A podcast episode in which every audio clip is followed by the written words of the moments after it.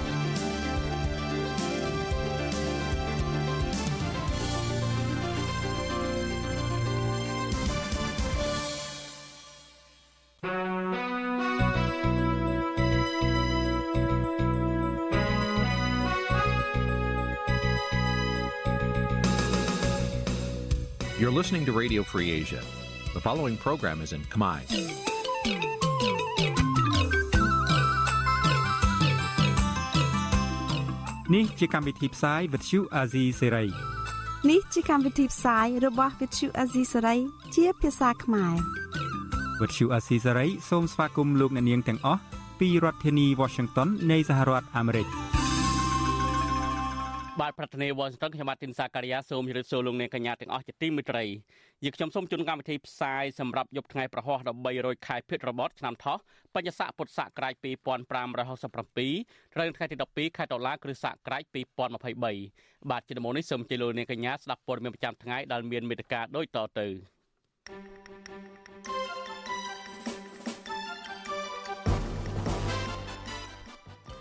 សហគមន៍ខ្មែរស្នើឲ្យអូស្ត្រាលីជួយជំរុញឲ្យមេដឹកនាំខ្មែរអនុវត្តតាមកិច្ចព្រមព្រៀងសន្តិភាពនៅក្រុងប៉ារីស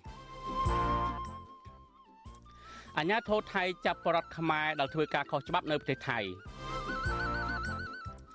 សហគមន៍ព្រួយបារម្ភពីការធ្វើអាជីវកម្មរ៉ែមាសបែបអនាធបត័យនៅខេត្តកំពង់ធំបាទនៅវិភាគថាក្រសួងធម្មការគួរតែមានវិធានការលើការផ្សព្វផ្សាយធម៌មិនត្រឹមត្រូវរួមនឹងបញ្ហាផ្សេងផ្សេងៗមួយចំនួនទៀត។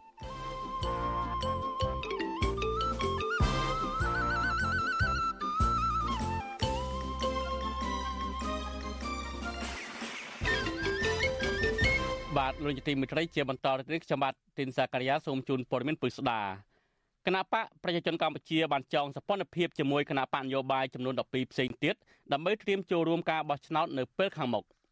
សម្ព័ន្ធភាពនេះធ្វើឡើងស្របពេលដែលគណៈបកភ្លើងទៀនក៏បានចងសម្ព័ន្ធភាពជាមួយគណៈបកនយោបាយចំនួន3ទៀតដែរកាលពីថ្ងៃទី11ដុល្លារនៅវិភាគលើកឡើងថាគណៈបកកណ្ដាលអំណាចចងសម្ព័ន្ធភាពជាមួយគណៈបកផ្សេងទៀតមិនមែនដើម្បីការពារស្ថិរភាពសង្គម និងសន្តិភាពដោយដែលលោកហ៊ុនសែនបានអះអាងនោះឡើយនៅវិភាគថាលោកហ៊ុនសែនគៀកោគណៈបកនយោបាយឲ្យមកនៅក្រោមក្លៀករបស់លោកនេះគឺក្នុងគោលបំណងដើម្បីពង្រឹងអំណាចត្រកូលហ៊ុនទៅវិញទេ បាទសូមលោកនាងរងចាំទស្សនាបទសម្ភាសន៍អំពីបញ្ហានេះនាពេលបន្តិចទៀតនេះ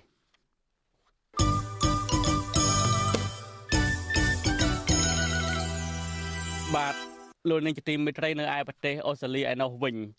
សហគមន៍ខ្មែរនៅប្រទេសអូស្ត្រាលីនឹងរៀបចំពិធីរំលឹកខួបកិច្ចព្រមព្រៀងសន្តិភាពនៅក្រុងប៉ារីសនៅចុងសប្តាហ៍ក្រោយនេះដើម្បីជំរុញទៅសហគមន៍អន្តរជាតិជាពិសេសរដ្ឋាភិបាលអូស្ត្រាលីឲ្យជួយរកដំណោះស្រាយចំនួននយោបាយនៅកម្ពុជាប៉ុន្តែនៅវិភាគប៉ុន្តែអ្នកនាំពាក្យគណៈបកកណ្ដាលអំណាចអះអាងថារដ្ឋាភិបាលកម្ពុជាបានអនុវត្តត្រឹមត្រូវតាមកិច្ចព្រមព្រៀងសន្តិភាពទីក្រុងប៉ារីសពលគឺមិនដោយការចោទប្រកាន់របស់ក្រុមអ្នកប្រឆាំងនោះឡើយបាទលោកថាថៃរាយការណ៍ពីព័ត៌មាននេះពីប្រទេសអូស្ត្រាលី សហគមន៍ខ្មែរនៅប្រទេសអូស្ត្រាលីនឹងរៀបចំពិធីរំលឹកខួប32ឆ្នាំនៃកិច្ចព្រមព្រៀងសន្តិភាពទីក្រុងប៉ារីស23តុលាឆ្នាំ1991ក្នុងគោលបំណងឲ្យពលរដ្ឋខ្មែរចងចាំនៅកិច្ចព្រមព្រៀងជាប្រវត្តិសាស្ត្រនេះនិងសហការជាមួយអង្គការអន្តរជាតិនានាព្រមទាំងក្រមប្រទេសហត្ថលេខីដើម្បីស្វែងរកដំណោះស្រាយបញ្ហានយោបាយខ្មែរនៅអង្គការសហប្រជាជាតិពិធីនេះដឹកនាំរៀបចំដោយអង្គការសម្ព័ន្ធខ្មែរដើម្បីកិច្ចព្រមព្រៀងសន្តិភាពទីក្រុងប៉ារីស នៅព្រឹកថ្ងៃទី22ខែតុលាក្នុងវត្តពុទ្ធរាំងសីមែលប៊ននឹងមានការចូលរួមពីតំណាងរាស្ត្រអូស្ត្រាលីតំណាងអង្គការពាក់ព័ន្ធព្រមទាំងតំណាងគណៈបកសង្គ្រោះជាតិនិងគណៈបកភ្លើងទៀនប្រធានអង្គការសម្ព័ន្ធខ្មែរដើម្បីកិច្ចព្រមព្រៀងសន្តិភាពទីក្រុងប៉ារីសឬហៅថាអង្គការ23តុលាលោកអ៊ឺណាត មានប្រសាសន៍ថាតំណាងសហគមន៍ខ្មែរនឹងបន្តស្នើដល់តំណាងរាស្ត្រអូស្ត្រាលីនិងរដ្ឋាភិបាលអូស្ត្រាលីព្រមទាំងសហគមន៍អន្តរជាតិឲ្យជួយអន្តរាគមន៍ទៅរដ្ឋាភិបាលកម្ពុជា ឲ្យស្ដារប្រជាធិបតេយ្យនិងការគោរពសិទ្ធិមនុស្សស្របតាមស្មារតីនៃកិច្ចព្រមព្រៀងសន្តិភាពទីក្រុងប៉ារីសឡើងវិញលោកបន្ថែមថាតំណាងសហគមន៍ខ្មែរក៏នឹងរួមគ្នាជំរុញឲ្យរដ្ឋាភិបាលអូស្ត្រាលីលើកយកកិច្ចព្រមព្រៀងសន្តិភាពទីក្រុងប៉ារីសទៅជជែកជាមួយលោកហ៊ុនម៉ាណែតក្នុងពេលដែលនាយករដ្ឋមន្ត្រីកម្ពុជារូបនេះមកចូលរួមកិច្ចប្រជុំកំពូលអាស៊ានអូស្ត្រាលីនៅក្នុងទីក្រុងមែលប៊ននៅដើមឆ្នាំក្រោយ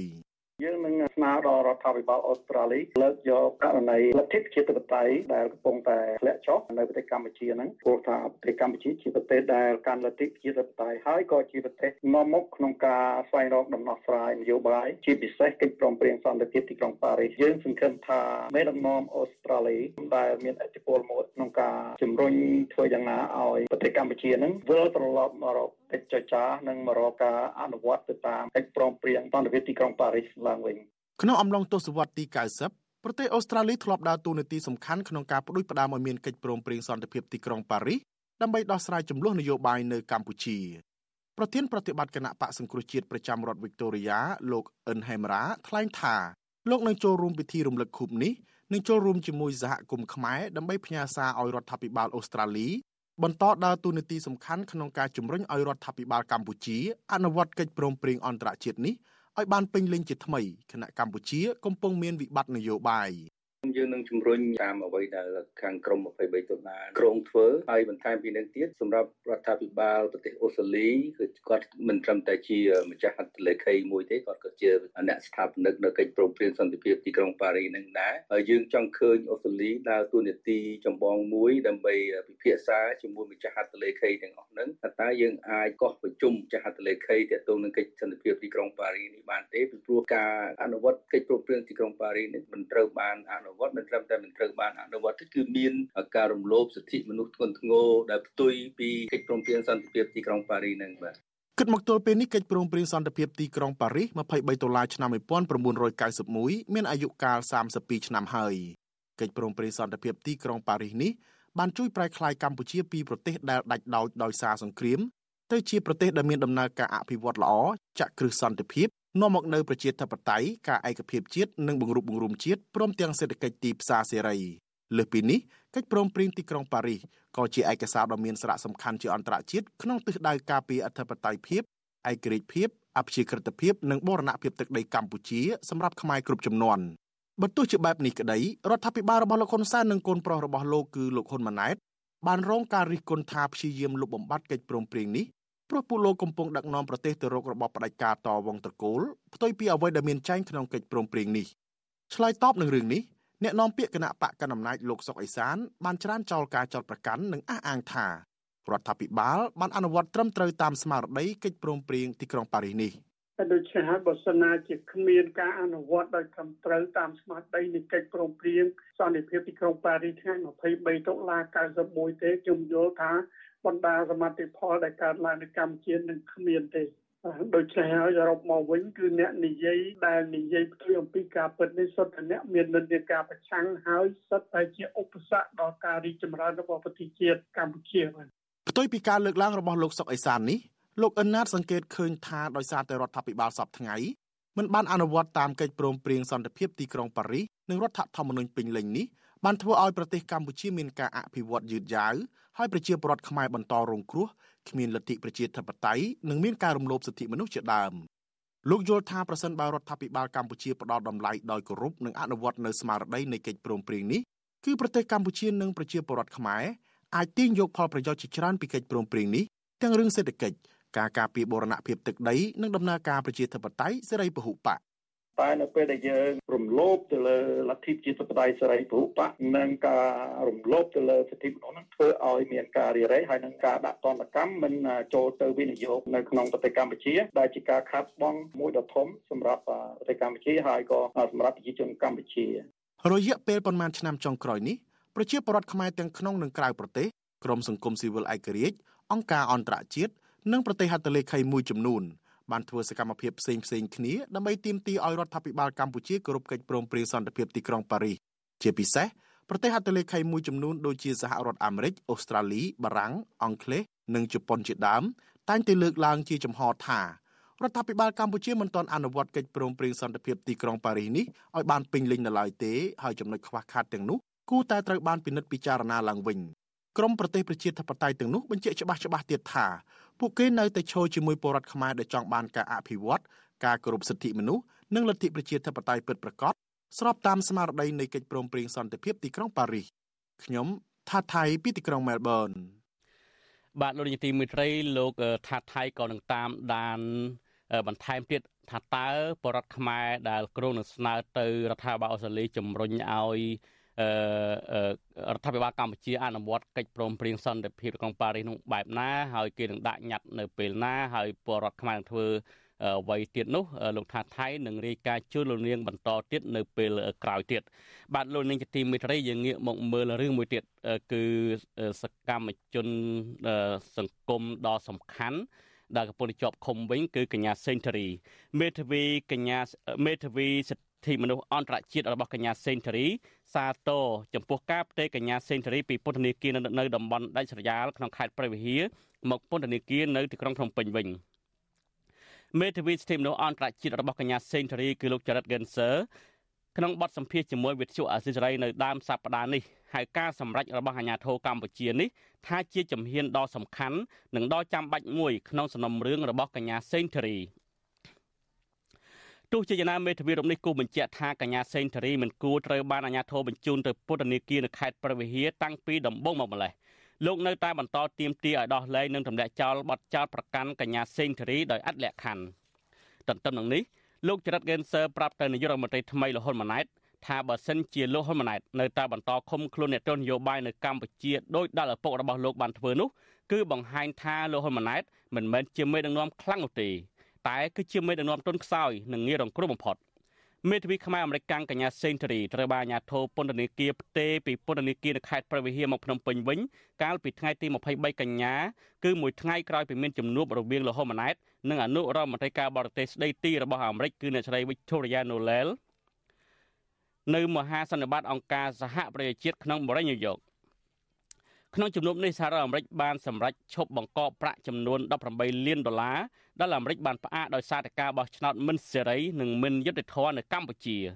ក្រៅរហូតមកទល់ពេលនេះកញ្ញាសេនធរីត្រូវបានអាជ្ញាធរកម្ពុជាចាប់ដាក់គុកអស់រយៈពេលជិត1ឆ្នាំកន្លះហើយដោយសារតែកញ្ញាអនុវត្តសេរីភាពបញ្ចេញមតិតាក់ទងនឹងការប្រកាសវិលចូលស្រុកវិញរបស់មេបកប្រឆាំងលោកសំរងស៊ីកាលពីឆ្នាំ2019តុលាការបានកាត់ទោសកញ្ញាសេនធរីឲ្យជាប់គុកចំនួន6ឆ្នាំពីបទចោទរួមគំនិតក្បត់ សារអាមេរិកនិងអង្គការសហប្រជាជាតិចាត់ទុកសំណុំរឿងរបស់កញ្ញាសេនធរីនេះថាជារឿងនយោបាយនិងជំរុញឲ្យអាជ្ញាធរកម្ពុជាដោះលែងកញ្ញាសេនធរីដោយអត់លក្ខខណ្ឌបាទលោកនាងជាទីមេត្រីថាតើមេធាវីរបស់កញ្ញាសេនធរីនឹងមានប្រតិកម្មបែបណាទៀតហើយសាទរបែបណាចំពោះការផ្ទេរកញ្ញាសេនធរីពីពន្ធនាគារខេត្តព្រះវិហារមកពន្ធនាគារនៅទីក្រុងភ្នំពេញនេះសូមលោកនាងរងចាំស្ដាប់បទសម្ភាសន៍នេះពឹស្ដា រវាងលោកមានរិទ្ធហើយនិងលោកមេធាវីរបស់កញ្ញាសេនធរីនៅក្នុងកម្មវិធីផ្សាយរបស់យើងនៅពេលក្រោយទៀតបាទសូមអរគុណ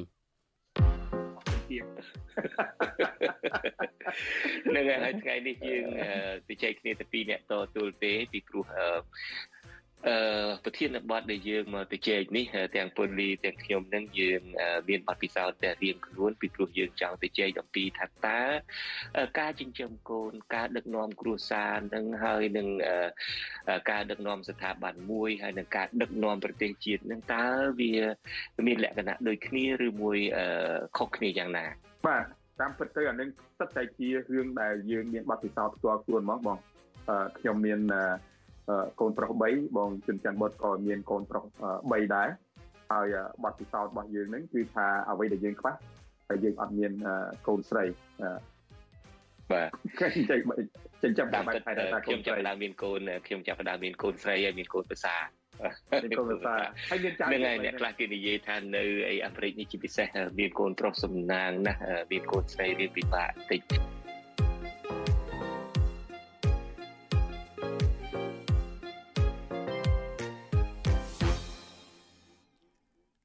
បាទលោកនាងជាទីមេត្រីសូមលោកនាងរងចាំទស្សនាការក្នុងកម្មវិធី podcast របស់វិទ្យុអស៊ីសេរីនៅថ្ងៃសៅរ៍ចុងសប្តាហ៍នេះថាតើលោកជុនច័ន្ទបុតនិងលោកសំពូលីនឹងលើកអំពីបញ្ហាបែបណាឬក៏បញ្ហាអ្វីខ្លះទាក់ទងនឹងការចិញ្ចឹមកូននេះបាទសូមលោកនាងកុំភ្លេចទស្សនាកម្មវិធី podcast របស់វិទ្យុអសិរ័យកុំខានបាទលោកនាងជាទីមេត្រីតាក់ទងនឹងរឿងរ៉ាវមួយទៀតដែលកំពុងតែកក្រើកនៅក្នុងបណ្ដាញសង្គមកម្ពុជាបច្ចុប្បន្ននេះគឺការ ជឿទៅលើអបិយជំនឿបាទលោកនាងជាទីមេត្រីនៃវិភាគលើកឡើងថាជំនឿរបស់ប្រជាពលរដ្ឋគឺជាសិទ្ធិរបស់បុគ្គលប៉ុន្តែក្រសួងធម្មការនិងសាសនា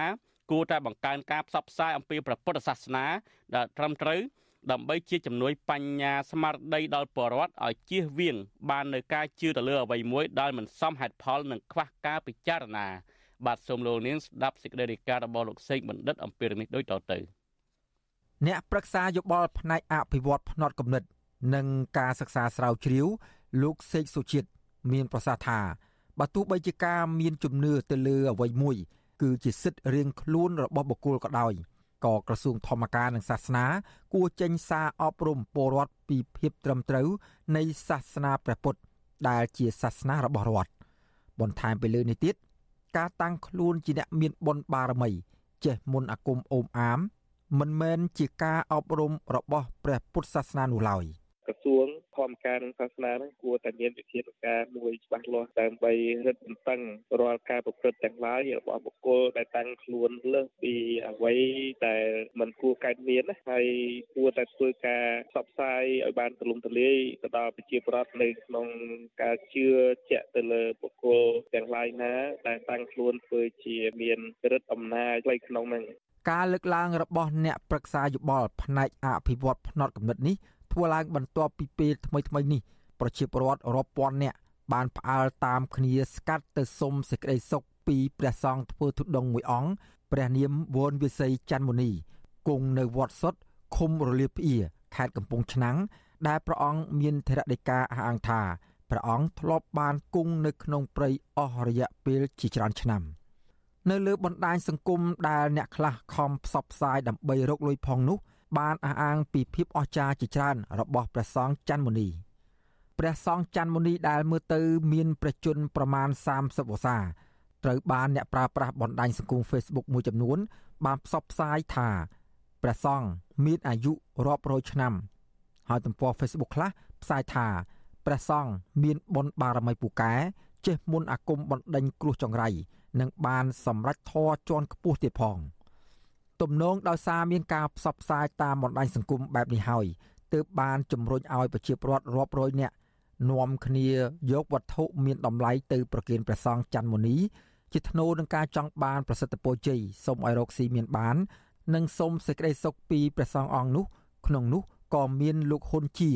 ដែលជាបងប្អូនជីដូនមួយ របស់លោកនាយករដ្ឋមន្ត្រីហ៊ុនម៉ាណែតផងដែរ។ ខុសពីបុគ្គលមួយចំនួន ដែលបានតាំងខ្លួនជាព្រះសិអាមេត្រី ឬព្រះព្រំរក្សាលោកនោះព្រះសង្ឃច័ន្ទមុនីហាក់ដូចជាមានការប្រុងប្រយ័ត្នខ្ពស់និងមិនបានប្រកាសខ្លួនថាជាអ្នកមានបុណ្យបារមីអ្វីនោះទេទោះយ៉ាងណាព្រះសង្ឃអង្គនេះបានប្រកែកមិនប្រាប់ឈ្មោះកំណើតឬឆ្នាំកំណើតពិត ដើម្បីបញ្ចប់ភាពមន្ទិលសង្ស័យនោះឡើយបន្ថែមពីលើនេះប្រជាពលរដ្ឋមួយចំនួនបានអះអាងថា ពួកគេបានទទួលវត្ថុស័ក្តិសិទ្ធិពីព្រះសង្ឃច័ន្ទមុនីផងដែរវិទ្យុអស៊ីសេរីនៅពុំទាន់អាចតាក់ទងแนะនាំពាក្យក្រសួងធម្មការនិងសាសនាលោកសេងសុមនីដើម្បីសុំការបោះស្រាយជុំវិញរឿងនេះបាននៅឡើយទេនៅថ្ងៃទី12ខែតុលាដោយទូរស័ព្ទចូលប៉ុន្តែពុំមានអ្នកទទួលទោះជាយ៉ាងណា មន្ទីរធម្មការនិងសាសនាខេត្តកំពង់ឆ្នាំងកាលពីថ្ងៃទី26ខែកញ្ញា បានធ្វើរបាយការណ៍មួយទៅក្រសួងធម្មការនិងសាសនា ដោយបញ្ជាក់ថាព្រះសង្ឃច័ន្ទមុនីមិនមានអាយុ122ឆ្នាំដោយការផ្សព្វផ្សាយតាមបណ្ដាញសង្គម Facebook នោះឡើយជុំវិញរឿងនេះព្រះសង្ឃមួយអង្គគង់នៅស្រុកមោងខេត្តបាត់ដំបងព្រះនាមគុណធី មានធរណីកាថា បញ្ហាប្រជាពលរដ្ឋនៅតែមានជំនឿទៅលើបុគ្គលមានបុណ្យបារមី គឺបណ្ដាលមកពីប្រជាពលរដ្ឋមិនមានការគិតបែបស៊ីជម្រៅដោយខ្លួនឯង។ ព្រះអង្គបន្ថែមថាដើម្បីទប់ស្កាត់កុំឲ្យប្រជាពលរដ្ឋមានជំនឿផ្ដេសផ្ដាសក្រសួងធម្មការនិងសាសនាគួរផ្សព្វផ្សាយអប់រំពលរដ្ឋអំពីគោលការណ៍ឬអវាទពិតប្រាកដរបស់ព្រះពុទ្ធជាជាងមានវិធានការទៅលើព្រះសង្ឃច័ន្ទមុនី។ នៅក្នុងធម៌បបសាមាសម្ពុទ្ធក៏ព្រះអង្គអនុញ្ញាតឲ្យភិក្ខុសង្ឃទាំងឡាយនឹងរៀនដែរតែរៀនលក្ខណៈយកការពៀខ្លួនពេលទៅប្រតិបត្តិធម៌តែប៉ុណ្្នឹងតែតែបើសិនជាលោកយកមកធ្វើដូចជាខ្សែកថាចាក់ទឹកចាក់អីនឹងលោកខុសតែអាត្មាមើលភាពវិជ្ជមានមកលោកលោកនិយាយធម៌ល្អលោកនិយាយធម៌បរិសុទ្ធតកតនឹងការផ្សះផ្សាគ្នាសាមគ្គីគ្នាខ្មែរចេះស្រឡាញ់គ្នាខ្មែរចេះរួបរวมគ្នាឲ្យខ្មែរចេះថែរក្សារបស់ដែលមានតម្លៃចឹងពុទ្ធបរិស័ទទៅយកឃើញខុសអានេះជាការយកខុសរបស់ពុទ្ធបរិស័ទទេតែលោកមិនបាននាំគេឲ្យខុសទេ ដោយឡែកប្រធានកម្មវិធីសន្តិភាពនៃអង្គការនារីដើម្បីសន្តិភាពលោកលីរតនៈយល់ឃើញថា ការជឿលើបុណ្យបារមី គឺជាសិទ្ធិរបស់បុគ្គលគ្រប់រូបដូច្នេះដើម្បីកុំឲ្យមានការបែកបាក់នៅក្នុងសង្គមប្រជាពលរដ្ឋគួរបើកចិត្តឲ្យទូលាយដោយទទួលយកនៅការគោរពជំនឿផ្សេងផ្សេងគ្នា លោកអះអាងថាព្រះសង្ឃច័ន្ទមុនីមិនមានគំនិតបោកប្រាស់ពុទ្ធបរិស័ទនោះឡើយទោះយ៉ាងណាលោកថា សាសនាព្រះពុទ្ធមិនបានអប់រំឲ្យពុទ្ធសាសនិកជឿលើអ្វីមួយទាំងងងឹតងងល់គ្មានហេតុផលនោះឡើយ។ បើថាគាត់បារម្ភរឿងថាខ្លាចការជឿហ្នឹងมันប្រកបដោយបញ្ញាញាណអីអាចបណ្ដាលឲ្យចាញ់បោកចាញ់អីចឹងចឹងយើងគួរតែមានជាភាសាបែបថាបណាណាដើម្បីក្រើនរំលឹកជាជាងយើងវាយប្រហារឬក៏វិនិច្ឆ័យវាតម្លៃអីគ្នាដែលធ្វើឲ្យមានការស្អប់ឬក៏ការខឹងសម្បាយថាត្រូវវាអាចឈានទៅដល់ហឹង្សាអីផ្សេងផ្សេងណាមន្ត្រីសង្គមស៊ីវិលយល់ឃើញថាដើម្បីឲ្យមានសុខដុមរមនានៅក្នុងសង្គម និងដើម្បីលើកស្ទួយសេរីភាពយល់ឃើញផ្សេងផ្សេងគ្នាប្រជាពលរដ្ឋមិនគួរប្រកាន់រើសអើងអ្នកដែលមានជំនឿផ្សេងពីខ្លួនឡើយដរាបណាក្រុមអ្នកមានជំនឿទាំងនោះមិនបានធ្វើសកម្មភាពអ្វីមួយនាំឲ្យគ្រោះថ្នាក់ដល់ជីវិតមនុស្សនោះយ៉ាងណាមិញព្រះពុទ្ធអប់រំទូលមានថាបុគ្គលរាល់រូបមុននឹងដាក់ចិត្តមានជំនឿទៅលើអ្វីមួយត្រូវតែប្រើបញ្ញាដើម្បីរិះគិតពិចារណាឲ្យបានគ្រប់ជ្រុងជ្រោយ។ ខ្ញុំបាទសេកបណ្ឌិតវុទ្ធុអាស៊ីសេរីពីរដ្ឋធានីវ៉ាស៊ីនតោន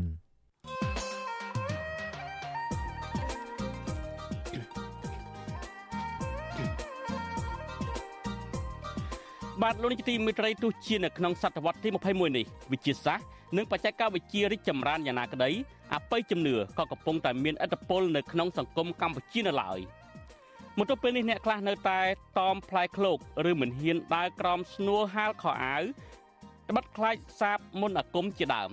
អ្នកខ្លះថែមទាំងប្រើប្រាស់បច្ចេកវិទ្យាទំនើបក្នុងការផ្សព្វផ្សាយជំនឿអរូបីថែមទៀតផង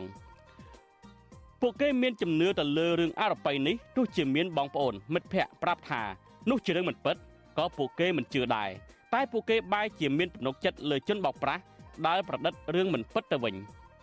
តើមូលហេតុអ្វីបានជាមនុស្សមួយចំនួនងាយនឹងធ្លាក់ខ្លួនជឿលើមនុស្សបោកប្រាស់ដែលប្រឌិតរឿងមិនពិតបែបនេះតើត្រូវធ្វើដូចម្តេចដើម្បីទប់ស្កាត់ពីការឆាប់ជឿជនបោកប្រាស់នៅក្នុងសង្គមបានបាទសូមលោកនាងរងចាំទស្សនានីតិវិទ្យាអ្នកស្ដាប់វិទ្យុអាស៊ីសេរី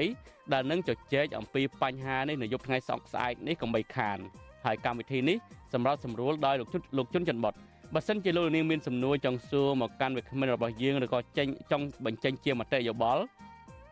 សូមលោកនាងដាក់លេខទូរស័ព្ទនៅក្នុងខ្ទង់ comment ដែលយើងកំពុងតែផ្សាយផ្ទាល់តាម Facebook YouTube នេះក្រុមការងាររបស់យើងនឹងហៅទៅលោកនាងវិញបាទសូមអរគុណ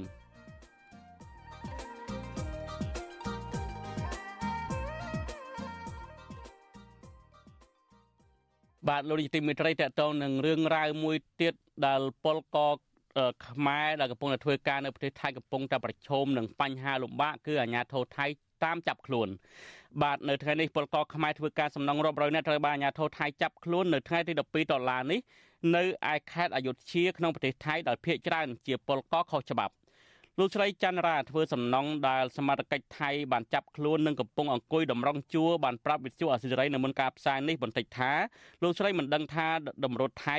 នឹងបញ្ជូនពួកគាត់ទៅទីណានោះទេពីព្រោះក្រុមអ្នកស្រីមិនមានលិខិតស្នាមធ្វើការស្របច្បាប់នៅក្នុងប្រទេសថៃ។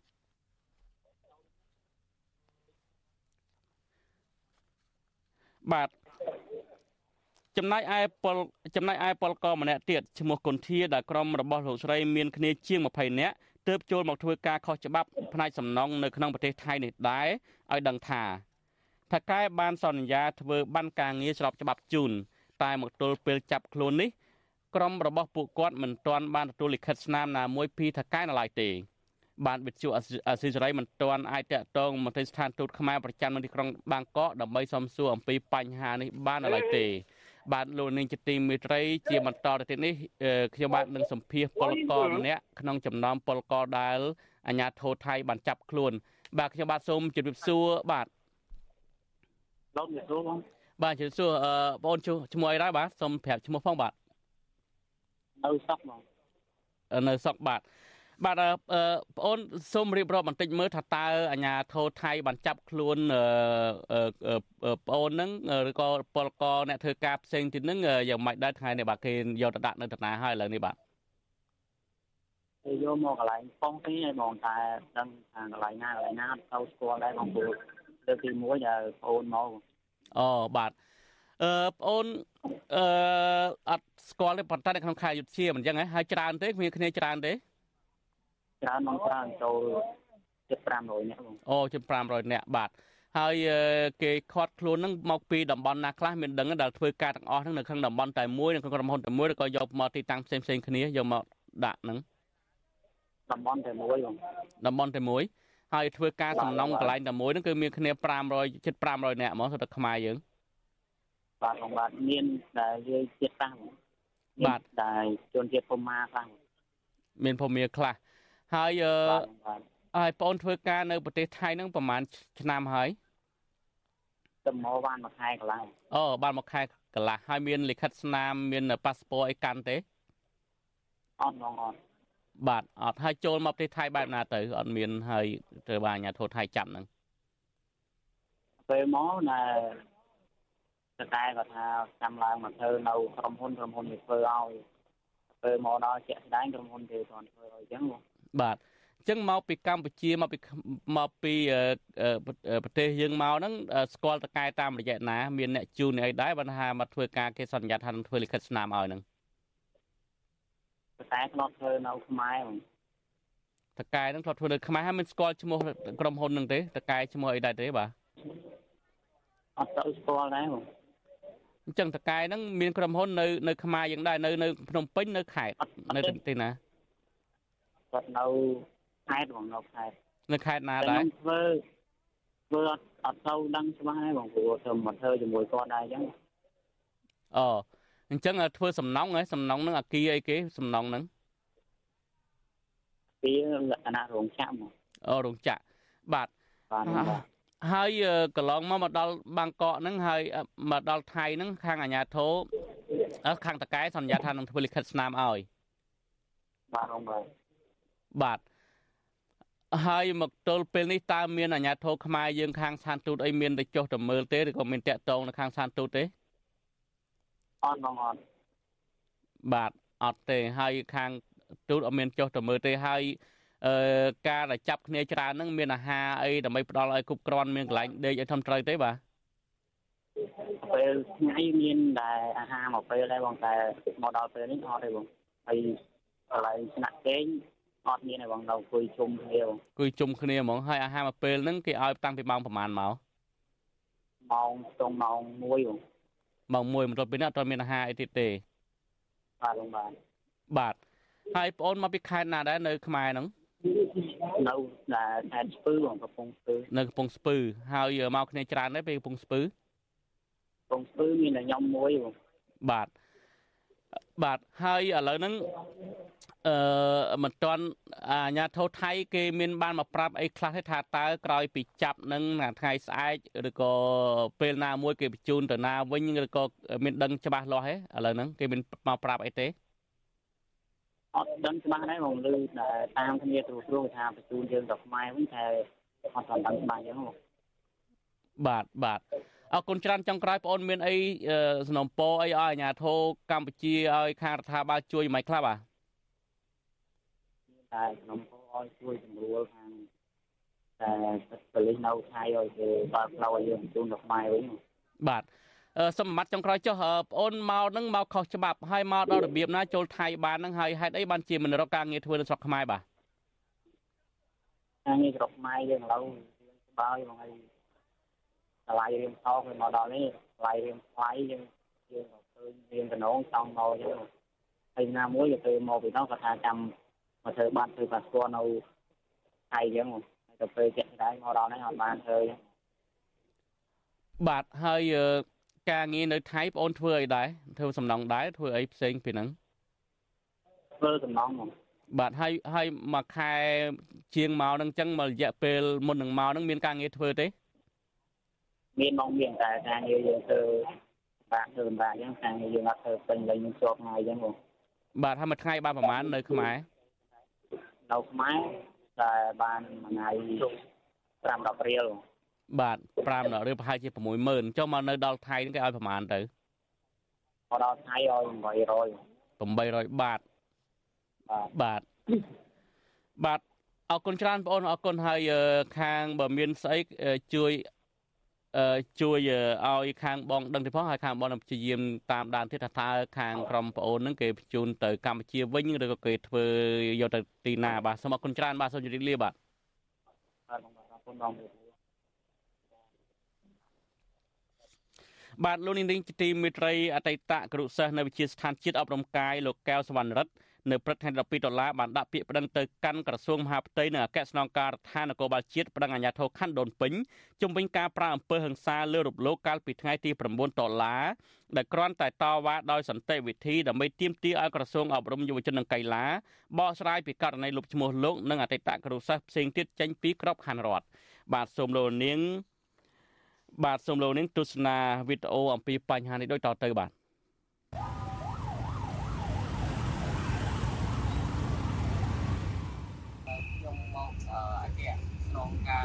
នគរបាលជាតិនេះគឺខ្ញុំគោលបំណងខ្ញុំដាក់ពាក្យបណ្ដឹង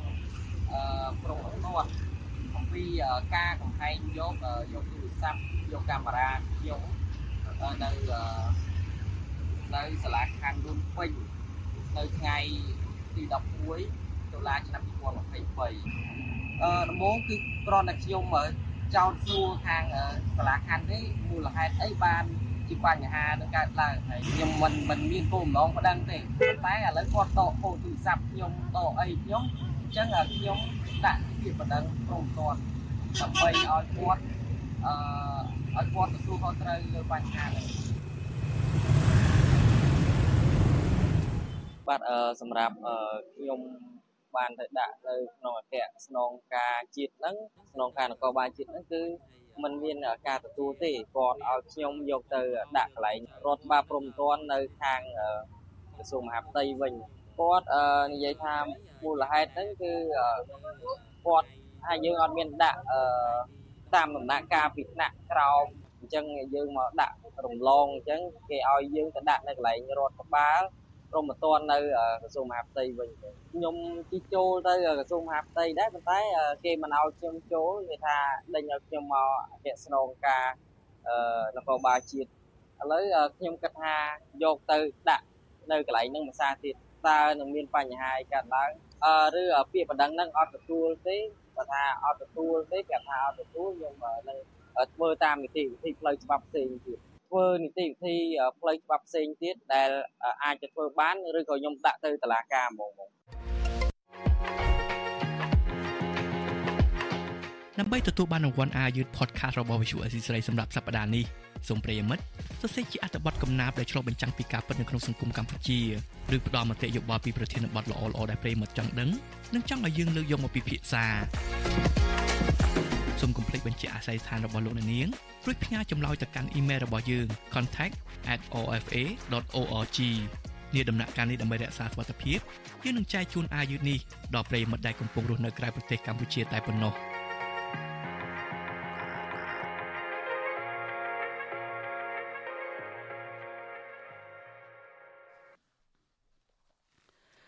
បាទលោកនាងជាទីមេត្រីទោះជានៅក្នុងសតវត្សទី21នេះវិជាសាស្ត្រនិងបច្ចេកវិទ្យារីកចម្រើនយ៉ាងណាក្តីអបិយជំនឿក៏កំពុងតែនៅមានឥទ្ធិពលនៅក្នុងសង្គមកម្ពុជានៅឡើយមកទល់ពេលនេះអ្នកខ្លះនៅតែតอมផ្លែឃ្លោកឬមិនហ៊ានដើរក្រោមស្នួរហាលខោអាវដែលបាត់ខ្លាចសាបមុនអាគុណជាដើមអ្នកខ្លះថែមទាំងប្រើប្រាស់បច្ចេកវិទ្យាទំនើបក្នុងការផ្សព្វផ្សាយជំនឿអរូបីថែមទៀតផងពួកគេមានជំនឿទៅលើរឿងអរូបីនេះទោះជាមានបងប្អូនមិត្តភ័ក្តិប្រាប់ថា ទោះជារឿងទោះជារឿងមិនពិតក៏ពួកគេនៅតែមិនជឿដែរតែពួកគេបែរជាមានទំនុកចិត្តលើជនបោកប្រាស់ដែលប្រឌិតរឿងមិនពិតទៅវិញតើមូលហេតុអ្វីបានជាមនុស្សមួយចំនួនងាយនឹងធ្លាក់ខ្លួនជឿលើមនុស្សបោកប្រាស់ដែលប្រឌិតរឿងមិនពិតនេះទៅវិញតើត្រូវធ្វើដូចម្តេចដើម្បីទប់ស្កាត់ការជឿលើជនបោកប្រាស់នៅក្នុងសង្គមបាន បាទសូមលោកនាងរងចាំទស្សនានីតិវិទ្យាអ្នកស្ដាប់វិទ្យុអាស៊ីសេរី ដែលនឹងជជែកអំពីបញ្ហានេះនៅយប់ថ្ងៃសុក្រស្អែកនេះបាទកម្មវិធីនេះសម្រាប់សម្រួលដោយលោកជុនច័ន្ទបតបើសិនជាលោកនេះមានសំណួរចង់សួរមកកាន់វិក្កាមរបស់យើងសូមលោកនេះដាក់លេខទូរស័ព្ទនៅក្នុងខ្ទង់ comment Facebook និង YouTube ដែលយើងកំពុងតែផ្សាយផ្ទាល់នៅពេលនេះក្រុមការងាររបស់យើងនឹងហៅទៅលោកនេះវិញបាទសូមអរគុណ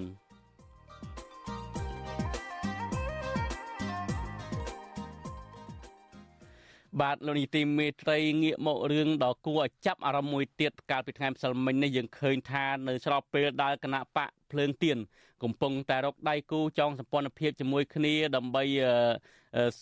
ចូលរួមប្រកបប្រជែងនយោបាយនៅពេលខាងមុខនោះ ឯលោកហ៊ុនសែនឯនេះវិញដែលជាប្រធានគណៈបកប្រជាជនកម្ពុជា បានបែរជាចងសម្ព័ន្ធភាពជាមួយគណៈបកនយោបាយដែលគណៈបកខ្លះនោះមិនបានទាំងចូលរួមបោះឆ្នោតកាលពីថ្ងៃទី23កក្កដានេះផងហើយយើងចង់ដឹងថាតើមូលហេតុអ្វីបានជាលោកហ៊ុនសែនគៀកោគណៈបកនយោបាយឲ្យមកនៅក្រោមឃ្លៀករបស់លោកនៅពេលនេះទៅវិញតើការដែលលោកហ៊ុនសែនគៀងកោគណៈបកនយោបាយ អឺមួយចំនួនឲ្យមកចងសម្ព័ន្ធភាពជាមួយគណៈបកកណ្ដាលអំណាចនេះតើលោកហ៊ុនសែនមិនទុកចិត្តខ្លួនឯងទៅលើរឿងដែលការកាន់អំណាចរបស់កូនរបស់លោកឬក៏យ៉ាងណា បាទឥឡូវនេះខ្ញុំបាទជាប់ប្រព័ន្ធ Skype ទៅលើគុំសុកអ្នកតាមដានពីបញ្ហាសង្គមនិងជាវិភាគផងដើម្បីឲ្យលោកបកស្រាយថាតើអ្វីជាកត្តាចម្បងដែលលោកហ៊ុនសែនធ្វើដូច្នេះបាទខ្ញុំបាទសូមជម្រាបសួរលោកគុំសុកបាទជំរាបសួរលោកទីនសាការីយ៉ា បាទអរគុណច្រើនលោកកំសុកបានចូលរួមនៅក្នុងកម្មវិធីផ្សាយរបស់យើងនៅពេលនេះលោកកំសុកជាសំណួរដែលយើងចង់ដឹងថាតើអ្វីជាកលឹះសំខាន់ដែលលោកហ៊ុនសែនចង់សម្ព័ន្ធភាពជាមួយគណៈបកដែលគ្មានសម្លេងផង នៅក្នុងសភានឹងហើយលោកទាញយកមកចូលរួម នៅក្នុងចងសម្ព័ន្ធភាពជាមួយលោកដូចនេះបាទគណៈបកភ្លើងទៀនគណៈបក ប្រជាធិបតេយ្យមូលដ្ឋានគណៈបកកែតម្រង់កម្ពុជា និងគណៈបកឆន្ទៈខ្មែរគ្រាន់តែប្រកាសរួមគ្នាលោកនាយករដ្ឋមន្ត្រីហ៊ុនសែនសំទោសលោកអតីតនាយករដ្ឋមន្ត្រីហ៊ុនសែនហើយនឹងជាប្រធានគណៈបកប្រជាជនកម្ពុជា បានប្រកាសសម្ព័ន្ធភាពរបស់គាត់ដែរខ្ញុំគិតថាចំណុចជាអតិភិបរបស់លោកហ៊ុនសែន គឺព្យាយាមរង្គាយកម្លាំងអ្នកដែលចង់បានប្រជាធិបតេយ្យឬក៏និយាយឲ្យស្រួលស្ដាប់ជាងហ្នឹងគឺពង្រាយកម្លាំងរបស់គាត់ឲ្យកាន់តែធំ តាមរយៈគណៈបកដែលទៅចូលរួមជាមួយគាត់ហ្នឹងក្នុងការបំបែកកម្លាំងអ្នកប្រជាធិបតេយ្យអានឹងគោលដៅបឋមរបស់គាត់បាទលើកំសុកមាន ប្រសាសន៍ថាគោលដៅសំខាន់ ដែលលោកហ៊ុនសែនធ្វើនេះដើម្បីបំបាយកម្លាំងប្រជាធិបតេយ្យតើលោកហ៊ុនសែនចាំបាច់បំបាយដល់ទេបើអ្វីអ្វីនៅក្នុងដៃរបស់លោកទាំងអស់មានទាំងតាហ៊ានមានទាំងតឡាការមានទាំងកោជបផងនោះយើងមើលឃើញថាការបោះឆ្នោតកន្លងមកនេះកោជបមិនឲ្យគណៈបកភ្លើងទៀនចូលរួមហើយការបោះឆ្នោតព្រឹទ្ធសភានៅចុងខែកុម្ភៈនេះ នៅពេលខាងមុខនេះក៏មិនទាន់ដឹងប្រកាសថាគណៈបកភ្លឹងទីនចូលមិនបានផងគឺដោយសារតែអត់មានឯកសារច្បាប់ដើមតើចាំបាច់ទេដែលលោកហ៊ុនសែនដើម្បីបំបែកកម្លាំងប្រជាធិបតេយ្យឬក៏លោកហ៊ុនសែនមានជំងឺមិនទុកចិត្តខ្លួនឯងបើយើងមើលអំពីសកម្មភាពរបស់លោកកន្លងមកនេះដូចជាខាងគណៈបកប្រឆាំងអំពីនាវញ៉ាំនំបញ្ចុកសាមគ្គីលោកហ៊ុនសែនចាប់ចងគេទាំងអស់មិនឲ្យធ្វើទេប៉ុន្តែផ្ទុយទៅវិញក្រោយមកទៀតលោកហ៊ុនសែនបានធ្វើដូចគ្នាករណីជាច្រើនទៀត ដូចជាករណីយើងមើលអំពីគំនិតដើមរបស់ World Bank ដែលផ្ដល់ដីសម្បត្តិសេដ្ឋកិច្ចហ្នឹងគឺគំនិតដើមហ្នឹងល្អណាស់គឺថាដើម្បីយកដីដែលរដ្ឋទុកចោលហ្នឹងយកមកធ្វើអភិវឌ្ឍដើម្បីកំណើនសេដ្ឋកិច្ចជាតិចុងក្រោយលោកហ៊ុនសែនធ្វើបំផ្លាញបរដ្ឋបំផ្លាញជាតិទៅវិញគឺកាប់ដីកាប់ព្រៃផ្ទះបរដ្ឋនៅកណ្ដាលក្រុងក៏លោកហ៊ុនសែនជួសនៅក្រោមហេតុផលអភិវឌ្ឍសេដ្ឋកិច្ចអីចឹងជាដើម តើបញ្ហាទាំងអស់នេះដែលសរុបសេចក្តីមកវិញនឹងដោយសារតែលោកហ៊ុនសែនមិនទុកចិត្តទៅលើខ្លួនឯងនៃការដឹកនាំខ្លួនឯងឬក៏នៃការរង្គឹសរង្គោលអំណាចផ្ទៃក្នុងរបស់លោកទៅវិញទេឬក៏យ៉ាងណាបាទអំណាចទាហានកងទ័ពលុយកាក់អំណាចរដ្ឋមិនប្រកាសថាឈ្នះឥទ្ធិពលនៃការចង់បានប្រជាធិបតេយ្យរបស់ប្រជាពលរដ្ឋទូទាំងប្រទេសនោះទេហើយការរួបរวมគ្នា នៃអ្នកដែលប្រាថ្នាប្រជាធិបតេយ្យផ្ដើមចេញពីគណៈបកភ្លើងទៀនបកប្រជាធិបតេយ្យមូលដ្ឋានបកឆន្ទៈខ្មែរនិងបកកែតម្រង់នេះ គឺជាការរងចាំរបស់ប្រជាពលរដ្ឋពីព្រោះមកដល់ពេលនេះប្រជាពលរដ្ឋរងចាំការរួបរวมគ្នា អ្នកនយោបាយដែលមាននិន្នាការប្រជាធិបតេយ្យទាំងឡាយគួរទទួលស្គាល់កំហុសមួយរបស់ខ្លួន ថាខកខានរួបរวมគ្នា ឆ្នាំ2013ឆ្នាំសំទោសឆ្នាំ2018ឆ្នាំ2022ហើយនិងឆ្នាំ2023ប្រជាពលរដ្ឋរងចាំទាំងអន្តះសារងចាំគ្រប់គ្រងរងចាំចូលរួមហើយការចាប់ផ្ដើមលើកនេះរបស់អ្នកប្រជាធិបតេយ្យឬក៏អ្នកដែលចង់បានប្រជាធិបតេយ្យហ្នឹងខ្ញុំមើលទៅ មានអរិយាប័ត្រត្រូវជាងមុន គឺចេះគោរពគ្នា ចេះឲ្យតម្លៃគ្នា ចេះជជែកគ្នា អំពីការរួបរวมហើយដូច្នេះហើយខ្ញុំមើលឃើញថាលោកហ៊ុនសែនគាត់ត្រូវព្យាយាមទប់ស្កាត់ទាញគណៈបកផ្សេងផ្សេងដែលជាគណៈបកទូចទូចទោះបីជាគណៈបកទាំងនោះមិនមានសម្លេងច្រើនក៏ដោយគាត់បារម្ភថាបកទាំងអស់ហ្នឹងអាចទៅចូលរួម ក្នុងចលនានយោបាយប្រជាធិបតេយ្យជាមួយសម្ព័ន្ធបក4និងផ្សេងទៀតដែរពីព្រោះចំណុចដែលសំខាន់មួយទៀតគឺថាទោះបីជាបកទាំងអស់នោះជាបកទូចបកខ្លះធ្វើសកម្មភាពតិចក៏ប៉ុន្តែមានធៀបចង់បានប្រជាធិបតេយ្យដែរអញ្ចឹងហើយបានជាលោកហ៊ុនសែនទាញគេឲ្យទៅចូលរួមនៅក្រោមក្លៀករបស់ខ្លួន ដើម្បីបិទសិទ្ធិនយោបាយរបស់គណៈបកប្រមាណ30នោះ មិនឲ្យទៅចូលរួមជាមួយនឹងសម្ព័ន្ធរបស់គណៈបក4ទៀតភ្លើងទៀនប្រជាធិបតេយ្យមូលដ្ឋានកែតម្រង់ហើយនឹងឆន្ទៈខ្មែរពីព្រោះខ្លាចកម្លាំងនឹងទៅជាកម្លាំងធំកម្លាំងធំដែលគណៈបកប្រជាជនកម្ពុជាមិនអាចតទល់បានបាទ លោកកំសុកបានមានប្រសាសន៍សង្កត់ធ្ងន់ថាអ្វីលោកហ៊ុនសែនធ្វើនេះដើម្បីទប់ស្កាត់មុនដើម្បីបិទផ្លូវមុនខ្លាចខាងគណៈបពប្រឆាំងឬក៏អ្នកប្រជាធិបតេយ្យរួមរុំគ្នាទៅជាកម្លាំងធំហើយលោកកំសុកលើកឡើងពីដើមទីបំពេញបំបញ្ញមាញ់ភ្លេចហ្នឹងថាអឺប្រជាប្រដ្ឋរងចាំការរួមរុំហើយឬក៏ដោយសារតែលោកហ៊ុនសែនចង់បង្ហាញអំពីការរួបរวมនឹងដែរដែលលោកថាចង់សម្ព័ន្ធភាពនេះអ្វីលោកហ៊ុនសែនបានថ្លែងការចេញសារម្សិលមិញហ្នឹង គឺអបអរសាទរដល់គណៈបកដែលផ្សេងផ្សេងចង់មកចូលរួមជាមួយលោកនឹងគឺលោកបានបញ្ជាក់ថាគោលបំណងសំខាន់នឹងគឺដើម្បីបង្រួបបង្រួមជាតិហើយដើម្បីការពារស្ថិរភាពសង្គមនិងការពារសន្តិភាព បាទសូមលោកនាងស្ដាប់សំឡេងស្ដាប់សាររបស់លោកហ៊ុនសែនអំពីចំណុចនេះបន្តិចសិនបាទសូមចេញ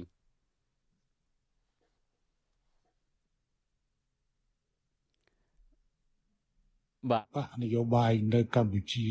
ដើម្បីសម្រេចគោលដៅនៃការរក្សាសន្តិភាព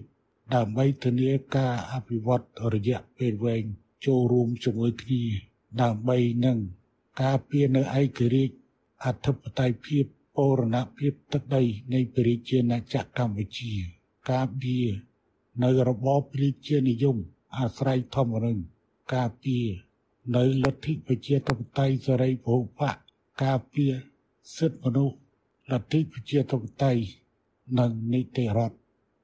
បាទលោកកំសុក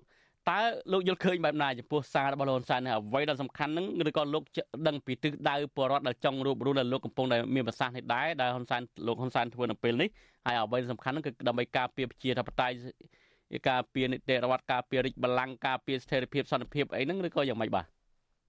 ការពាររាជបល្ល័ង្កការពារបរដ្ឋធិបតេយ្យ ការពារខ្លឹមសាររដ្ឋធម្មនុញ្ញការពារឯករាជ្យការពារសន្តិភាពគឺខ្លឹមសារទាំងអស់ហ្នឹងអាចធ្វើទៅរួចលុះត្រាណាតែគោរពខ្លឹមសារនិងស្មារតីនៃរដ្ឋធម្មនុញ្ញរបស់ព្រះរាជាណាចក្រកម្ពុជា បាទហើយចំណុចចាប់ដើមនៅពេលនេះដើម្បីអាចគោរពខ្លឹមសារនិងស្មារតីរដ្ឋធម្មនុញ្ញនៃព្រះរាជាណាចក្រកម្ពុជាលុះត្រាណាតែបើកការ ចរចានយោបាយសម្របសម្រួលនយោបាយផ្សះផ្សាគ្នាបើកឱកាសឲ្យមានការប្រកួតប្រជែងគ្នាវាលុះត្រាណាស់តែមានការប្រកួតប្រជែងដោយសេរីត្រឹមត្រូវនិងយុត្តិធម៌ទៅបញ្ហាទាំងអស់អាចដោះស្រាយបានក៏ប៉ុន្តែចំណុចចាប់ផ្ដើមនៃការពង្រូបពង្រួមរបស់ក្រមលោកហ៊ុនសែនមានគណៈបក30ផ្សេងទៀតហ្នឹងអានោះមិនមែនជាការពង្រូបពង្រួមទេ វាគ្រាន់តែជាការប្រមូលផ្ដុំគណៈបក30ដាក់នៅក្រោមឃ្លៀកឬក្នុងក្រោលរបស់គណៈបកប្រជាជនកម្ពុជាចាក់សោជាប់មិនឲ្យមានមតិមានយោបល់អ្វីនោះទេបែបនេះមិនមែនជាការរួបរวมទេណាការរួបរวมតើតែមើលគំរូរបស់គណៈបក4ផ្សេងទៀតមានភ្លើងទៀន គណៈបកប្រជាធិបតេយ្យមូលដ្ឋានកែតម្រង់កម្ពុជា ហើយនឹងគណៈបកឆន្ទៈខ្មែរគេជជែកគ្នាដាក់គោលដៅជាតិជជែកស្មើមុខគ្នាអត់ចាត់ទុកថាបកតូចបកធំទេក្នុងគោលដៅជាតិអានឹងបានការរួមរួមគ្នាឬបង្រួបបង្រួមគ្នាក៏ប៉ុន្តែគណៈបកប្រជាជនកម្ពុជាទាញយកគណៈបក30ទៀតដាក់នៅក្នុងក្រោលរបស់ខ្លួននោះគណៈបក30ទៀតមែនតែនទៅកំពុងតែជាប់ទោសនយោបាយណាបាទជាប់ទោសនយោបាយមួយបែបទោសនយោបាយដែល ខ្ញុំចង់និយាយនេះមានន័យថាមេដឹកនាំគណៈបក30ហ្នឹងជាប់នៅក្នុងគុកនយោបាយប៉ុន្តែគុកនយោបាយហ្នឹងគេឲ្យតំណែងគេឲ្យប្រាក់ខែដូចគេជួលអញ្ចឹងណាជួលឲ្យជាប់គុកនយោបាយមិនមែនដូចអ្នកជាប់គុកនយោបាយម្នាក់សិកាសកម្មជនម្នាក់សិកាផ្សេងផ្សេងទៀតដែលជាប់គុកពីព្រោះតែគាត់លះបង់ដើម្បីប្រទេសជាតិទេត្រង់ចំណុចដែលគណៈបកផ្សេងផ្សេងទៀត ជាប់គុកនយោបាយនៅក្នុងក្រោលរបស់លោកហ៊ុនសែនបែបនេះអាហ្នឹងមិនមែនជាការបង្រួបបង្រួមជាតិទេបានន័យថាលោកហ៊ុនសែនដំឲ្យទៅណាក៏បានដែរលោកហ៊ុនសែនបន្លែងឲ្យទៅណាក៏បានបិទសិទ្ធឲ្យនិយាយត្រឹមម៉ានក៏បានម្ល៉េះហើយអាហ្នឹងមិនមែនជាការបង្រួបបង្រួមជាតិទេពីព្រោះខ្លឹមសារបង្រួបបង្រួមជាតិវាតើតែយើងនិយាយអំពីបញ្ហាជាតិទល់មុខគ្នាតទល់គ្នាស្មើភាពគ្នាដោយមិនមានការគំរាមកំហែងបាទអរគុណលោកកំសុក លោកកំសុកលើកឡើងថាគណៈបក30ដែលលោកហ៊ុនសែនទាញមកដាក់ក្រមឃ្លៀកបើយើងមើលការចោះលេខាគឺមាន13គណៈបកហើយហើយលោកហ៊ុនសែនថានឹងដាក់គណៈបកនយោបាយចំនួន50នៅក្នុងក្រមប្រឹក្សាពិគ្រោះយោបល់ដែលថែមទាំងស៊ីប្រាក់ខែរដ្ឋឬក៏លុយជាតិទៅទៀតដែលលោកកំសុកថានឹងទាញយកដាក់ក្រមឃ្លៀកឲ្យឲ្យផលប្រយោជន៍អ្វីដែលសំខាន់មួយទៀតលោកកំសុកតើ ទិសដៅសំខាន់ដែលទាញមកដាក់ក្រមឃ្លៀកនេះអឺលោកមានប្រសាសន៍ថាជាការដាក់ទោសនយោបាយឬគុកនយោបាយអឺប៉ុន្តែអ្វីដែលសំខាន់មួយទៀតនឹងអឺយើងឃើញថាខ្ញុំចង់ងាកទៅខាងដើមវិញបន្តិចអំពីជំងឺមិនទុកចិត្តខ្លួនឯងយើងមើលថាឥឡូវហ្នឹងកូនប្រុសរបស់លោកបានដឹកនាំប្រទេសទៅហើយហើយជាងមួយខែមកនេះប៉ុន្តែលោកនៅតែលូកដៃ ដូចជាការដែលប្រមូលពន្ធនៅការប្រកាសប្រមូលពន្ធដល់ប្រជាប្រដ្ឋកំពុងតែកក្រើកនៅលើបណ្ដាញសង្គមហ្នឹងលោកក៏ចេញសារមកអីអញ្ចឹងទៅរឿងនិស្សិតដែលជាប់អ៊ីស្រាអែលដែលដែលជាទូនទីរបស់កូនរបស់លោកនឹងលោកហ៊ុនសែនក៏ចេញសារមកថាមិនយកទេអីឲ្យនៅជាមួយនឹងបរដ្ឋគេមិនរត់ចោលអីអញ្ចឹងជាដើមអឺបញ្ហាទាំងអស់ហ្នឹងនៅពេលគាត់ប្រមូលបានកម្លាំងនៅក្រមឃ្លៀករបស់លោកទាំងអស់ហ្នឹងហើយលោកមានប្រកាសសាសខាងដើមថាដើម្បីទប់ស្កាត់មិនឲ្យចលនាណា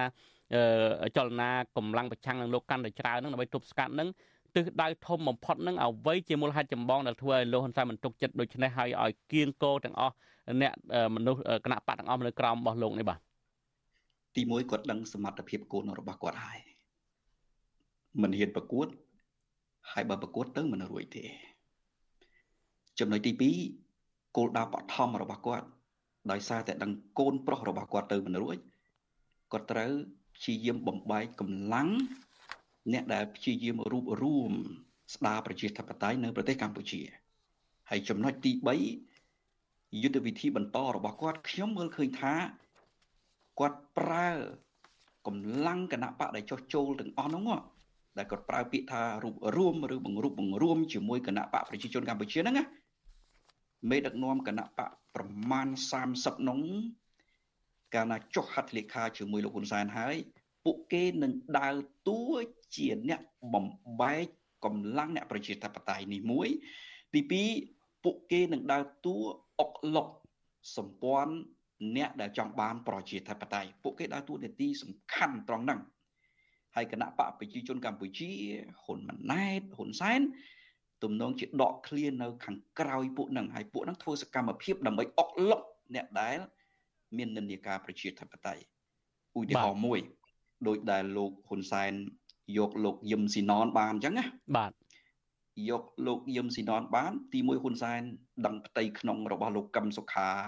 សើតែទាំងអស់ក្លុកកលៀនណាដែលយឹមស៊ីណនធ្លាប់ទំនាក់ទំនងហើយទី2គឺយឹមស៊ីណនហ្នឹងក្រុមរបស់គាត់ គឺធ្វើសកម្មភាពអុកឡុកក្រុមលោកកឹមសុខាទាញអ្នកនេះទាញអ្នកនោះ ឲ្យចូលជាមួយនឹងលោកហ៊ុនសែនបាទ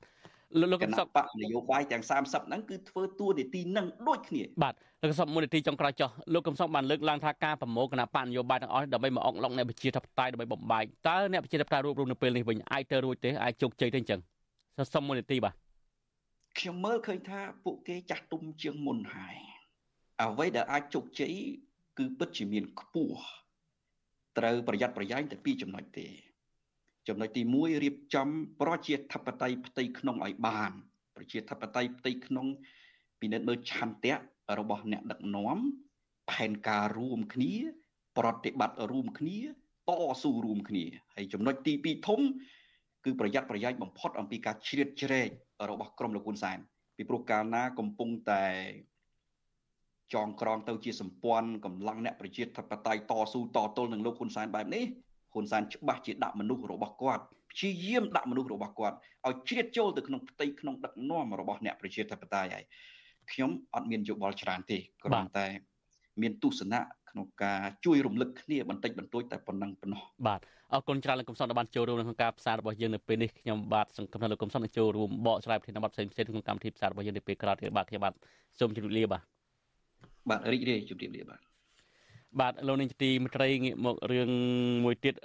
ដែលអ្នកស្រីសុជីវីនឹងរាយការណ៍ជូនលោកនាងអំពីប្រជាប្រដ្ឋជាង30គ្រួសារនៅរាជធានីភ្នំពេញដាក់ពាក្យប្តឹងទៅរដ្ឋបាលក្រុងឲ្យបញ្ឈប់សកម្មភាពរបស់រោងចក្រផលិតទឹកកកមួយកន្លែងដែលបើកដំណើរការឡើងវិញក្រោយពីបិទមួយរយៈដោយសារតែធ្វើឲ្យលេចធ្លាយសារធាតុអាល់ម៉ូញ៉ាមន្ត្រីសង្គមស៊ីវិលជំរុញឲ្យអាជ្ញាធរនិងក្រសួងពាក់ព័ន្ធបើកការស៊ើបអង្កេតលើករណីនេះនិងចាត់វិធានការសមស្របមួយឲ្យឲ្យភាគីសងខាងទទួលយកបាន។ បាទសូមលោកនាងស្ដាប់សេចក្តីរាយការណ៍របស់អ្នកស្រីសុជីវីដូចតទៅការបើកដំណើរការឡើងវិញនៅរោងចក្រផលិតទឹកកកខ្នាតតូចយីហោឈៀងមួនៅខណ្ឌរិស័យកែវបានធ្វើឲ្យពលរដ្ឋនៅជុំវិញតំបន់នោះមានការព្រួយបារម្ភជាថ្មីអំពីបញ្ហាសុខភាព រហូតដល់មានការស្នើសុំឲ្យរោងចក្រផ្លាស់ប្តូរទីតាំងទៅរកកន្លែងផ្សេងឆ្ងាយពីផ្ទះប្រជាពលរដ្ឋពលរដ្ឋម្នាក់លោកស្រីជឹមរីប្រាប់វិទ្យុអាស៊ីសេរីនៅថ្ងៃទី11ខែតុលាថា បើទោះបីជារោងចក្រធ្លាប់សន្យាថានឹងមិនធ្វើឲ្យមានការលេចធ្លាយសារធាតុគីមីម្ដងទៀតក៏ដោយក៏លោកស្រីនិងប្រជាពលរដ្ឋដទៃទៀតមិនទុកចិត្តឡើយត្បិតករណីនេះធ្លាប់កើតឡើងច្រើនដងរួចមកហើយលោកស្រីបញ្ជាក់ថាពលរដ្ឋមិនចង់បានការសងសំណងអ្វីទាំងអស់ដោយពួកគាត់ស្នើសុំតែម្យ៉ាងប៉ុណ្ណោះគឺឲ្យរោងចក្របដូរទីតាំងទៅកន្លែងផ្សេងនិយាយទៅ ដូចបបាក់ទ្រាំណាបងអើយតែមិនដឹងថាធ្វើម៉េចទេបងដូចជាម្នាក់ម្នាក់ដូចដូចកើតទុកគ្រប់គ្នាដែរហ្នឹងដូចថាប្រឈប់វាអត់បានអញ្ចឹងបងតល់តែម៉េះដែរពួកប្រជាជនពួកខ្ញុំកើតទុកអត់ទុកចិត្តតែអត់ដឹងថាធ្វើម៉េចដូចថាអត់ដឹងថាដោះស្រាយមិនចេញចង់ឲ្យគេដូរទីតាំងបងបើបានបងជួយអណាបងអើយព្រោះសុខភាពណាបងកាលពីថ្ងៃទី1ខែកញ្ញារោងចក្រធុនតូចផលិតទឹកកកដើមនិងទឹកកកអនាម័យ យីហោលោកស្រីឈៀងមួដែលស្ថិតនៅក្នុងសង្កាត់ច្រាំងជំរះទី2បានធ្វើឲ្យបែកបំពង់សាយភាអូស្មန်អាម៉ូញ៉ាបណ្ដាលឲ្យពលរដ្ឋ31នាក់មានអាការៈថប់ដង្ហើមរហូតបញ្ជូនទៅសង្គ្រោះនៅមន្ទីរពេទ្យដោយក្នុងនោះមានពលរដ្ឋ4នាក់បានដួលសន្លប់ជាពិសេសធ្វើឲ្យប៉ះពាល់ធ្ងន់ធ្ងរដល់បុរសម្នាក់ដែលមានជំងឺសួតស្រាប់ក្រោយមានហេតុការណ៍នេះអាជ្ញាធរផ្អាកដំណើរការរោងចក្របណ្ដោះអាសន្នដើម្បីពិនិត្យមើលការអនុវត្តបច្ចេកទេសឡើងវិញ ដោយតម្រូវឲ្យម្ចាស់រោងចក្រសុំទោសប្រជាពលរដ្ឋរងគ្រោះនៅតាមផ្ទះនិងត្រូវពិនិត្យមើលលទ្ធភាពបដូរទីតាំងថ្មីឆ្ងាយពីទីប្រជុំជនប៉ុន្តែក្រោយពីបិទបានមួយខែ កាលពីថ្ងៃទី9ខែតុលាពលរដ្ឋឲ្យដឹងថារោងចក្រនេះបានបើកដំណើរការឡើងវិញខណៈពួកគាត់នៅមិនទាន់បាត់ភ័យខ្លាចហេតុការណ៍កាលពីថ្ងៃមុននៅឡើយពលរដ្ឋម្នាក់ទៀតគឺលោកលីសុកយានឲ្យដឹងថា ការទៀមទីឲ្យរោងចក្រទឹកកកបដូរទីតាំងព្រោះកន្លងមករោងចក្រនេះធ្វើឲ្យបែកធ្លាយឧស្ម័នអាម៉ូញ៉ាជាច្រើនដងរួចមកហើយលោកបន្តថាចំហាយឧស្ម័នអាម៉ូញ៉ាដែលបែកធ្លាយចេញពីរោងចក្រទឹកកកនេះធ្វើឲ្យប៉ះពាល់សុខភាពយូរអង្វែងទៅដល់ប្រជាពលរដ្ឋដែលនៅជុំវិញនោះជាពិសេសកុមារនិងមនុស្សចាស់ក្នុងនោះកុមារជាច្រើនអ្នកមានអាការៈឈាមច្រមុះថប់ដង្ហើមឈឺបំពង់ក និងឈឺក្បាលជាដើម។ យើងក៏បានតាក់ទងទៅអាជ្ញាធរសង្កាត់អីអញ្ចឹងឲ្យជួយមើលរោងតកកផងព្រោះយើងអត់ដឹងខាងស្អីគេទេដំបូងណាទៅសង្កាត់បានត្រឹមតែមកតាក់ទងតែហ្នឹងវាលិចនៅតែលិចដែរដោយថាយើងឃើញវាលិចមកអញ្ចឹងយើងក៏ក្នុងគ្នាគេចចេញពីកន្លែងក្នុងផ្ទះហ្នឹងទៅហើយក៏អស់ក្លិនក៏យើងចូលមកវិញទៅដោយថាយើងពីមុនយើងអត់ដឹងថាវាមានផលប៉ះពាល់កម្រិតណាតែដល់ពេលថ្ងៃមុនផ្ទុះខ្លាំងក៏យើងឃើញថារុក្ខជាតិដែលនៅក្រៅផ្ទះខ្ញុំហ្នឹងគឺថ្លោតដូចគេយកភ្លើងទៅរោលអញ្ចឹងហើយសត្វព្រាបដែលនៅជាប់នៅទីស្នាក់ការបកហ្នឹងគឺបាត់អស់លេងមកមួយក្រុមងាប់អស់ហ្មងវិទ្យុអាស៊ីសេរីមិនអាចតាក់ទងអភិបាលខណ្ឌរុស័យកែវលោកឯកខុនឌឿននិងអភិបាលរាជធានីភ្នំពេញលោកខួងស្រេងដើម្បីសូមការបកស្រាយជុំវិញបញ្ហានេះបានទេ នៅថ្ងៃទី11ខែតុលាចំណែកម្ចាស់រោងចក្រផលិតទឹកកកជីហោលោកស្រីឈៀងមួក៏មិនអាចតាក់ទងបានដែរម្ចាស់រោងចក្រទឹកកកជីហោលោកស្រីឈៀងមួធ្លាប់ប្រាប់ប្រជាពលរដ្ឋដែលមកតវ៉ានៅក្នុងខណ្ឌរិស័យកែវកាលពីថ្ងៃទី5ខែកញ្ញាថា លោកស្រីមិនអាចរើរោងចក្រទៅទីតាំងផ្សេងនៅក្នុងពេលភ្លាមៗនេះបានទេព្រោះលោកស្រីត្រូវការប្រាក់ចំណូលសងបំណុលធនាគារតែយ៉ាងណាពលរដ្ឋបញ្ជាក់ថាការលេចធ្លាយឧស្ម័នអាម៉ូញ៉ានេះធ្លាប់កើតឡើងច្រើនលើកច្រើនសារមកហើយដោយវាបានបញ្ចេញក្លិនស្អុយយ៉ាងអាក្រក់ប៉ះពាល់ដល់ការរស់នៅនិងធ្វើឲ្យប្រជាពលរដ្ឋក្រហាយភ្នែកហូរទឹកភ្នែកជាពិសេសក្មេងៗមានអាការៈក្អកខ្លាំងនិងរលាកបំពង់ក តែកតិនរឿងនេះនាយកទទួលបន្ទុកកិច្ចការទូតនៃអង្គការសិទ្ធិមនុស្សលីកាដូលោកអំសំអាតយល់ឃើញថារាល់បញ្ហាដែលប៉ះពាល់ដល់សុខភាពរបស់ប្រជាពលរដ្ឋអាជ្ញាធរនិងក្រសួងពាក់ព័ន្ធត្រូវចាត់វិធានការបន្ទាន់ដោយបើកការស៊ើបអង្កេតឲ្យបានម៉ត់ចត់លោកបន្តថាអាជ្ញាធរគួរតែមានវិធានការលើករណីរោងចក្រតកកឲ្យដូចករណីរោងចក្រផលិតថ្នាំដែលបំពុលទឹកស្ទឹងសង្កែ ដែលតម្រូវឲ្យផ្លាស់ប្តូរទីតាំងអាជីវកម្មទៅតំបន់ផ្សេងដែលគ្មានផលប៉ះពាល់ទៅលើការរស់នៅនិងសុខភាពរបស់ពលរដ្ឋជាពិសេសគឺក្រសួងស្ថាប័នដែលពាក់ព័ន្ធដូចជាក្រសួងបរិស្ថានក្រសួងផ្សេងផ្សេងទៀតនិងអាជ្ញាធរផ្សេងផ្សេងទៀតដែលពាក់ព័ន្ធហ្នឹងត្រូវតែពិនិត្យនិងពិចារណាទៅលើបណ្ដឹងរបស់ប្រជាពលរដ្ឋហើយធ្វើការស៊ើបអង្កេតឲ្យបាន ល្អិតល្អន់ឲ្យបានម៉ត់ចត់ដើម្បីជៀសវាងការប៉ះពាល់ទៅដល់សុខភាពពលរដ្ឋឬក៏ធ្វើម៉េចដើម្បីផ្ដល់យុត្តិធម៌សម្រាប់ភាគីទាំងសងខាងណាបាទបើតាមការស្រាវជ្រាវរបស់ក្រសួងសុខាភិបាលអាមេរិកបង្ហាញថាអាម៉ូញ៉ាគឺជាសារធាតុគីមីម្យ៉ាងដែលគេប្រើនៅក្នុងប្រព័ន្ធម៉ាស៊ីនត្រជាក់ទូទឹកកករោងចក្រផលិតទឹកកកនិងការផលិតឱសថផងដែរប៉ុន្តែកំហាប់ខ្ពស់មួយនៃឧស្ម័នអាម៉ូញ៉ានៅក្នុងខ្យល់ នឹងបង្កផលប៉ះពាល់ដូចជាក្រហាយភ្នែករលាកច្រមុះរលាកបំពង់ករលាកផ្លូវដង្ហើមនិងដែលអាចឈានទៅដល់ខ្វាក់ភ្នែកខូចសួត និងស្លាប់ទៀតផងនៅក្នុងពាក្យប្តឹងដាក់ទៅរដ្ឋបាលរាជធានីភ្នំពេញកាលពីថ្ងៃទី18ខែកញ្ញាភ្ជាប់ជាមួយនឹងស្នាមមេដៃរបស់ប្រជាពលរដ្ឋជិត50នាក់ពលរដ្ឋបានលើកឡើងថាការធ្វេសប្រហែសធ្វើឲ្យលេចធ្លាយឧស្ម័នអាម៉ូញ៉ានេះមិនមែនបណ្ដាលមកពីបញ្ហាបច្ចេកទេសឬការធ្វេសប្រហែសនោះឡើយ តែវាកើតចេញពីការគិតផលប្រយោជន៍ផ្ទាល់ខ្លួនរបស់ម្ចាស់អាជីវកម្មដែលបង្កទៅជាគ្រោះថ្នាក់ដល់សុខភាពពលរដ្ឋម្ដងហើយម្ដងទៀតពួកគាត់ចាត់ទុកថានេះជាសកម្មភាពធ្វេសប្រហែសធ្ងន់ធ្ងរមិនរៀងចាលមិនអាចអត់ឱនឲ្យបាន និងមិនអាចអនុញ្ញាតឲ្យបន្តអាជីវកម្មនៅទីនេះបានទៀតទេនាងខ្ញុំសុជីវី Virtual Azizi Saray ពីរដ្ឋធានី Washington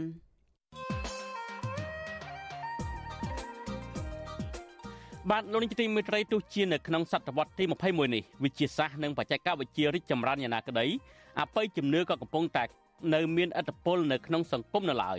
មកទល់ពេលនេះអ្នកខ្លះនៅតែតោមផ្លែឃ្លោកឬមិនហ៊ានដើរក្រំស្នួហើខោអាវតែបាត់ខ្លាចសាបមុនអាគមជាដើមអ្នកខ្លះតាមទាំងប្រើប្រាស់បច្ចេកវិទ្យាទំនើបក្នុងការផ្សព្វផ្សាយជំនឿអរូបីនេះថែមទៀតផង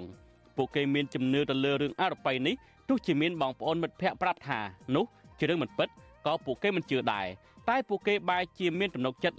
ជឿលើជនបោកប្រាស់ដែលប្រឌិតរឿងមិនពិតនេះទៅវិញតើមូលហេតុអ្វីបានជាមនុស្សមួយចំនួនងាយនឹងធ្លាក់ខ្លួនជឿលើមនុស្សបោកប្រាស់ដែលប្រឌិតរឿងមិនពិតបែបនេះទៅវិញតើត្រូវធ្វើដូចម្តេចដើម្បីទប់ស្កាត់ការឆាប់ជឿជនបោកប្រាស់នៅក្នុងសង្គមបាន បាទសូមលោកនេះរងចាំទស្សនានីតិវិទ្យាអ្នកស្ដាប់វិទ្យុអសិរ័យនៅយប់ថ្ងៃសុក្រស្អែកនេះកុំបីខានហើយកម្មវិធីនេះសម្រាប់សម្រួលដោយលោកជុនច័ន្ទបត